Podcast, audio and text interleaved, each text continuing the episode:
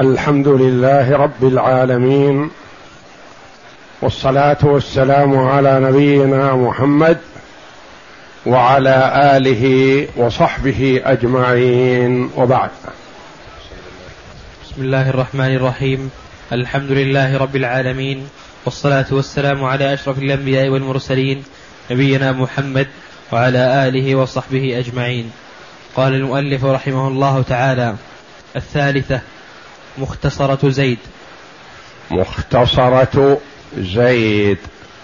والمراد بزيد زيد بن ثابت رضي الله عنه. وهو كاتب الوحي في عهد النبي صلى الله عليه وسلم وكاتب القرآن في خلافة أبي بكر الصديق رضي الله عنه وفي خلافة عثمان بن عفان رضي الله عنه. فهو من كتاب الوحي وشهد له النبي صلى الله عليه وسلم بأنه أعلم الأمة بالفرائض. مختصرة زيد. هذه الثالثة من الزيديات الأربع مسائل في الفرائض يأخذ الإخوة لأب مع الشقيقة شيئا من المال وتعتبر من مسائل المعادة. يعني أن الشقيقة تعد الإخوة لأب معها لمزاحمة الجد. فإذا أخذ الجد نصيبه بالمقاسمة أو ثلث الباقي تأخذ الأخت الشقيقة فرضها في كتاب الله وهو النصف. وما بقي يكون للإخوة لأب. وتقدم لنا العشرية أخ لأب. والعشرينية أختان لأب. وهذه مختصرة زيد أخ وأخت لأب. ومعهم صاحب فرد أم أو جدة. سيان لأن الأم في هذه الحال تأخذ السدس لوجود الجمع من الإخوة والجدة لها السدس في كل حال. وهذه تسمى مختصرة زيد. لأنها تصح من مئة وثمانية. ثم ترد بالاختصار إلى أربعة وخمسين نصفها. فسميت مختصرة زيد. نعم. وهي جدة وجد وأخت شقيقة. وأخ وأخت لأب. هذه أركانها وهؤلاء الورثة فيها. جدة وإن شئت قل أم سيان لأن الأم تأخذ السدس وجد لأنها في باب الجد والإخوة. وأخت شقيقة وأخ وأخت لأب. تعدهم الأخت الشقيقة معها لأجل مزاحمة الجد. ثم إذا أخذ الجد نصيبه أخذت الأخت الشقيقة فرضها كاملا وهو النصف وما بقي يكون للأخ, للأخ والأخت من الأب. وهذه إن شئت قل أصلها من ستة.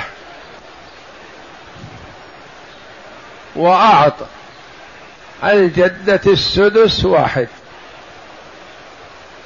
يبقى خمسة. الخمسة هذه بين الجد والأخت الشقيقة والأخ لأب والأخت لأب. أربعة. ورؤوسهم ستة.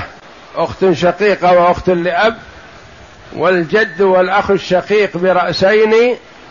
أربعة مع اثنين ستة. والخمسة غير منقسمة عليهم. فتصحح.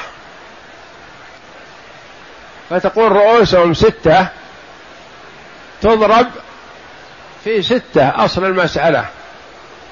ستة في ستة بستة وثلاثين. أعط الأمة أو الجدة واحد في ستة بستة هو السدس. ما تغير. حينما كانت المسألة من ستة أخذت الأمة أو الجدة واحد. وحينما صحت من ستة وثلاثين أخذت ستة. هي هي. ستة من ست وثلاثين السدس. واحد من ستة السدس. أعطى الجدة واحد في ستة بستة. أعطي الإخوة والجد ما بقي فلهم خمسة في ستة بثلاثين. نقول للجد ماذا تريد؟ يقول انصحوني أنا لا أدري. تريد المقاسمة أو تريد ثلث الباقي؟ أو تريد السدس؟ يقول أما السدس فلا. لا أريده لأني أعرف أنه أقل من نصيبي. وأما ثلث الباقي والمقاسمة سيئا لأن له هو برأسين ومعه أربعة. فالمقاسمة يأخذ الثلث. وإذا أعطيناه ثلث الباقي هو هو. فهو إن قاسم أخذ عشرة. لأن له عشرة وللأخ لأب عشرة وللأختين لكل واحدة خمسة. هذا في المقاسمة. وإن أعطيناه ثلث الباقي فالباقي ثلاثون نعطيه ثلث الثلاثين يأخذ عشرة. فيأخذ الجد حينئذ عشرة من الثلاثين. بقي كم؟ بقي عشرون. تقول الأخت الشقيقة لنصف المال بكتاب الله جل وعلا. فلا أقبل المساومة. نصف المال من ستة وثلاثين كم يكون لها؟ ثمانية عشر. تأخذ ثمانية عشر. يبقى كم من العشرين؟ اثنان. رؤوس الأخ لأب والأخت لأب كم رؤوسهم؟ ثلاثة. والباقي اثنان. ما تنقسم عليهم. فنضرب رؤوسهم كم هي؟ ثلاثة. في أصل المسألة ست وثلاثين. ثلاثة في ست وثلاثين. ثلاثة في ستة بثمانية عشر. ثلاثة في ثلاثين بتسعين. ثمانية عشر وتسعون كم تصير؟ مية وثمانية. صحت من مئة وثمانية. نعطيهم للجدة لا تنسى نصيبها. لها ستة في كم الآن؟ في ثلاثة بثمانية عشر. وللجد عشرة في ثلاثة بثلاثين. وللأخت الشقيقة ثمانية عشر بثلاثة بأربعة وخمسين. لأن لها النصف. نصف مية وثمانية أربعة وخمسين. وللأخ لأب وأخته لهم اثنان في ثلاثة بستة. يأخذ الأخ أربعة وتأخذ الأخت اثنين. صحت من مئة وثمانية. طيب. قلنا مختصرة زيد نعم مختصرة. ننظر. هذا الاختصار الذي سيأتينا إن شاء الله يسمى الاختصار بعد العمل. ما وفرنا شيء. العمل والكتابة كتبنا كثير. اختصار بعد العمل. ننظر. هل تقبل القسمة؟ كل المس... كل السهام مع أصل المسألة مع مصحها تقبل القسمة على اثنين ثلاثة أربعة خمسة ننظر نختصر. ننظر في الاثنين. هل تقبل القسمة على اثنين؟ نعم. مية وثمانية تقبل القسمة على اثنين. لأن إذا قسمنا على مية واثنين على على اثنين مية وثمانية صار أربعة وخمسين. نأتي إلى نصيب الجدة. الجدة لها ثمانية عشر. تقبل القسمة على اثنين؟ نعم يكون تسعة. الجد له ثلاثون. تقبل القسمة على اثنين؟ نعم. يكون له خمسة عشر. الأخت الشقيقة لها أربعة وخمسون. تقبل القسمة على اثنين؟ نعم يكون لها سبعة وعشرون. الأخ لأب تقبل القسمة على اثنين؟ له أربعة. نعم يكون اثنين. الأخت لأب نصيبها يقبل القسمة على اثنين؟ نعم لأن لها اثنان تقسم على اثنين يكون لها واحد. فبدل من المصح 108 صار المصح 54 وكل واحد أعطيناه قسمنا نصيبه على اثنين فخرج نصيبه من أربعة وخمسين.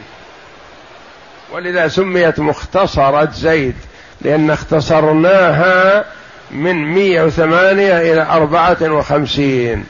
واختصرنا نصيب الجد من ثلاثين إلى خمسة عشر. ونصيب الجدة من ثمانية عشر إلى تسعة. ونصيب الأخت الشقيقة من أربعة وخمسين إلى سبعة وعشرين. وهكذا. هذه مختصرة زيد. وإن شئت تحلها حلا أسرع من هذا وأقرب.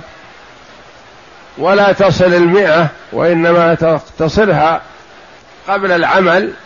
فهناك طريقة أخرى.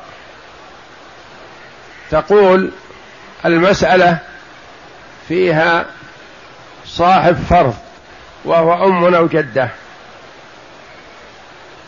وبعد صاحب الفرض الجد سيقول أريد ثلث الباقي. فيها ثلث باقي بعد صاحب الفرض. نقول أصل المسألة من ثمانية عشر. نعطي الجدة أو الأم السدس كم؟ ثلاثة. سدس الثمانية عشر ثلاثة. كم بقي؟ خمسة عشر. الجد يقول أعطوني ثلث الباقي ما أريد مقاسمة. يشغلونني الشباب ومقاسمتهم. أريد ثلث الباقي أعطوني نصيبي وأمشي. فالباقي كم بعد صاحب الفرض؟ خمسة عشر. ثلث الخمسة عشر كم؟ خمسة. نعطيها الجد. بقي كم؟ من الخمسة عشر بقي عشرة. الأخت الشقيقة تقول من كم صححتم المسألة؟ نقول من ثمانية عشر. تقول أنا ما أعرف. أعطوني نصفها. لأن الله جل وعلا فرض لي النصف. أعطوني نصف الثمانية عشر. كم نعطيها؟ تسعة. كم بقي من هذا العدد الثمانية عشر؟ بقي واحد. الواحد هذا للأخت لأب مع الأخ لأب. الواحد ما ينقسم على ثلاثة رؤوس. نضرب رؤوسهم الثلاثة في أصل المسألة ثمانية عشر. ثلاثة في ثمانية عشر. جميع. لأجل نعطي الجميع حتى الجدة حتى الجد كلهم. ثلاثة في ثمانية عشر. ثلاثة في ثمانية بأربعة وعشرين. ثلاثة في عشرة بثلاثين. ثلاثين وأربعة وعشرين أربعة وخمسين. صحت من أربعة وعشرين. من من أربعة وخمسين. نعطيهم. نقول للجدة كم؟ الجدة ثلاثة. في كم؟ في ثلاثة. ثلاثة في ثلاثة بتسعة. وهو السدس. وللجد خمسة في ثلاثة بخمسة عشر. وللأخت الشقيقة تسعة في ثلاثة بسبعة وعشرين. وللأخ والأخت لأب واحد في ثلاثة بثلاثة. للذكر سهمان والأنثى واحد. وكلا العملين صحيح سواء أصلتها من ستة. ثم صححتها إلى مئة وثمانية ثم أرجعتها إلى أربعة وخمسين. أو أصلتها من ثمانية عشر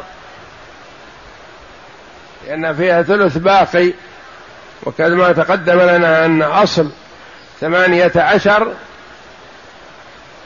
يكون فيما إذا كان هناك سدس وثلث باقي. أصلناها من ثمانية عشر ثم صحت من أربعة وخمسين. أو أصلناها من ستة وصحت من مئة وثمانية. ثم أرجعناها بالاختصار إلى مئة إلى أربعة وخمسين.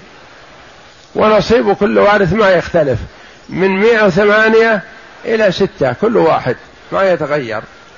فالمسألة من ثمانية عشر. للجدة السدس ثلاثة والأحظ للجد ثلث الباقي وهو خمسة. ويبقى عشرة وفي هذه المسألة يكون الجد يستوي له المقاسمة وثلث الباقي. لأنه لأن من يقاسمه مثله يقاسمه ذكر وأنثى وأنثى أخرى هذه أربعة رؤوس وهو برأسين. نعم. ويكمل للشقيقة فرضها النصف وهو تسعة ويفضل واحد للأخ وأخته على ثلاثة رؤوس لا تنقسم. فنضرب ثلاثة في أصل المسألة ثمانية عشر فتصح من أربعة وخمسين. للجدة ثلاثة مضروبة في ثلاثة فتبلغ تسعة وللجد خمسة تضرب في ثلاثة فتبلغ خمسة عشر. وللشقيقة تسعة مضروبة في ثلاثة فتبلغ سبعة وعشرين. وللأخت والأخ واحد مضروب في ثلاثة بثلاثة له اثنان ولها واحد وهذه صورتها. عرفنا أنها يصح أن نقول أصل المسألة من ستة وأصلها من ثمانية عشر. من ستة تصح من مئة وثمانية وترجع إلى أربعة وخمسين. ومن ثمانية عشر مصحها يكون أربعة وخمسين من أول مرة وبدون اختصار. إذا أركان مختصرة زيد جدة أو أم وجد وأخت شقيقة وأخ وأخت لأب. وهذه من المسائل المعادة. ومن المسائل التي يأخذ الإخوة لأب شيئا من الميراث مع الإخوة الأشقاء. ويصح أن يعايى بها فيقال إخوة لأب يرثون مع إخوة اشقاء فيقال إذا كان الإخوة الاشقاء ذكور أو أكثر من أنثى واحدة فإن الإخوة لأب لا يأخذون شيئا. وأما إذا كان الإخوة الاشقاء أنثى واحدة فإنه يبقى للإخوة لأب شيء وإن كان يسيرا. أقسم هلك هالك عن أم وجد وأخت شقيقة. وهل هذه تعتبر من الزيديات؟ وهل تعتبر من مسائل المعادة؟ أم وجد وأخت شقيقة فقط. من؟ أين أحفاد زيد؟ وإن لم تكن هذه زيدية. المسألة من ثلاثة. المسألة من ثلاثة. للأم الثلث واحد. للأم الثلث واحد. ويبقى اثنان. للجد والأخت الشقيقة. نسأل الجد ماذا تريد؟ المقاسمة أم ثلث الباقي؟ أم السدس؟ يقول أسألك بالله أن تنصح لي. أنا لا أعرف الحساب. أيها أحظ لي. فإن وفقت لنصيحته ماذا ستقول له؟ خذ المقاسمة لأن هذه على النصف منك. يأخذ ثلثين وهي تأخذ ثلث. فنقول المقاسمة خير له. بينما الباقي اثنان والرؤوس ثلاثة ما تنقسم عليها. فنضرب أصل المسألة التي قلنا ثلاثة في ثلاثة عدد الرؤوس. ثلاثة بثلاثة بتسعة. للأم واحد في ثلاثة بثلاثة. وللأخت والجد اثنان في ثلاثة بستة. يكون للجد كم؟ أربعة. وللأخت الشقيقة اثنان. أخذت الثلث أو أقل؟ أقل من الثلث.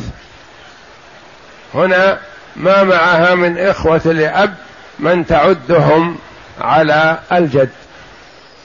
فيلزمها مقاسمة الجد فيكون هذا نصيبها اثنان من تسعة وللجد أربعة من تسعة وللأم ثلاثة من تسعة. اقسم.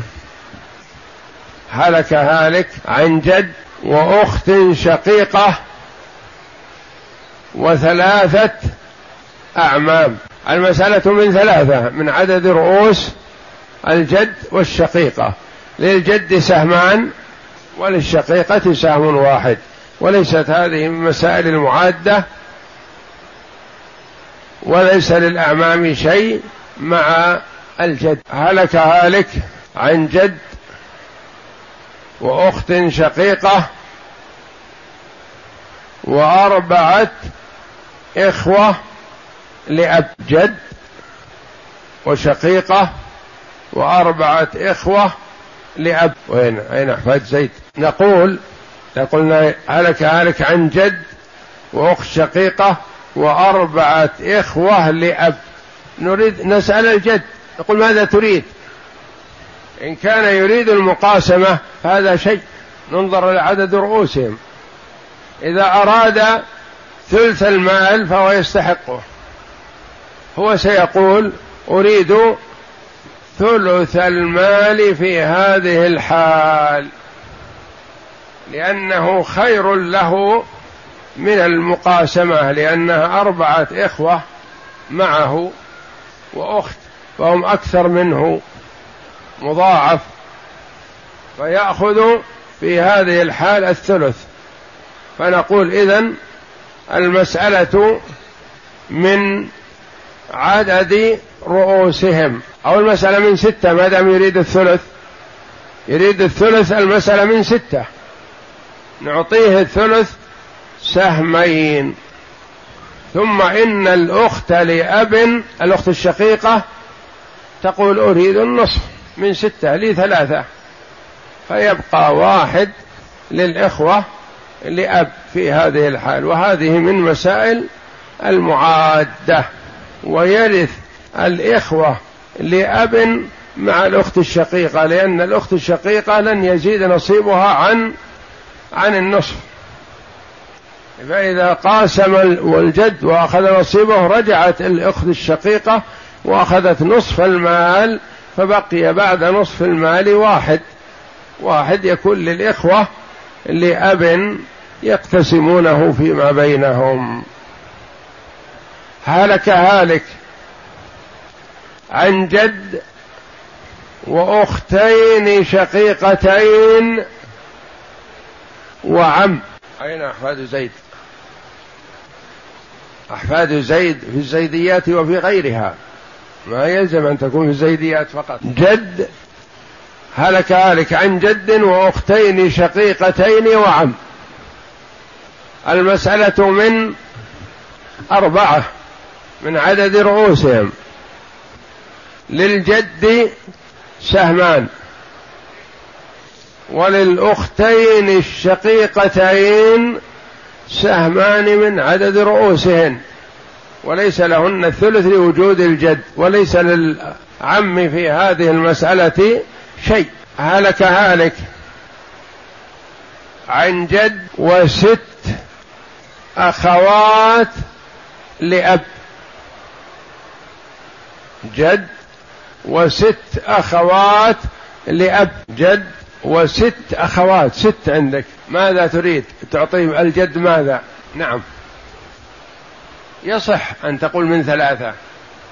يصح أن تقول من ثلاثة لأنك سألت الجد ماذا يريد فقال أريد الثلث.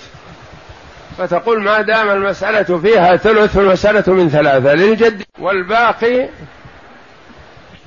اثنان للأخوات لأب التي هن ست والثلاث والإثنان ما ينقسمان على الستة الأخوات.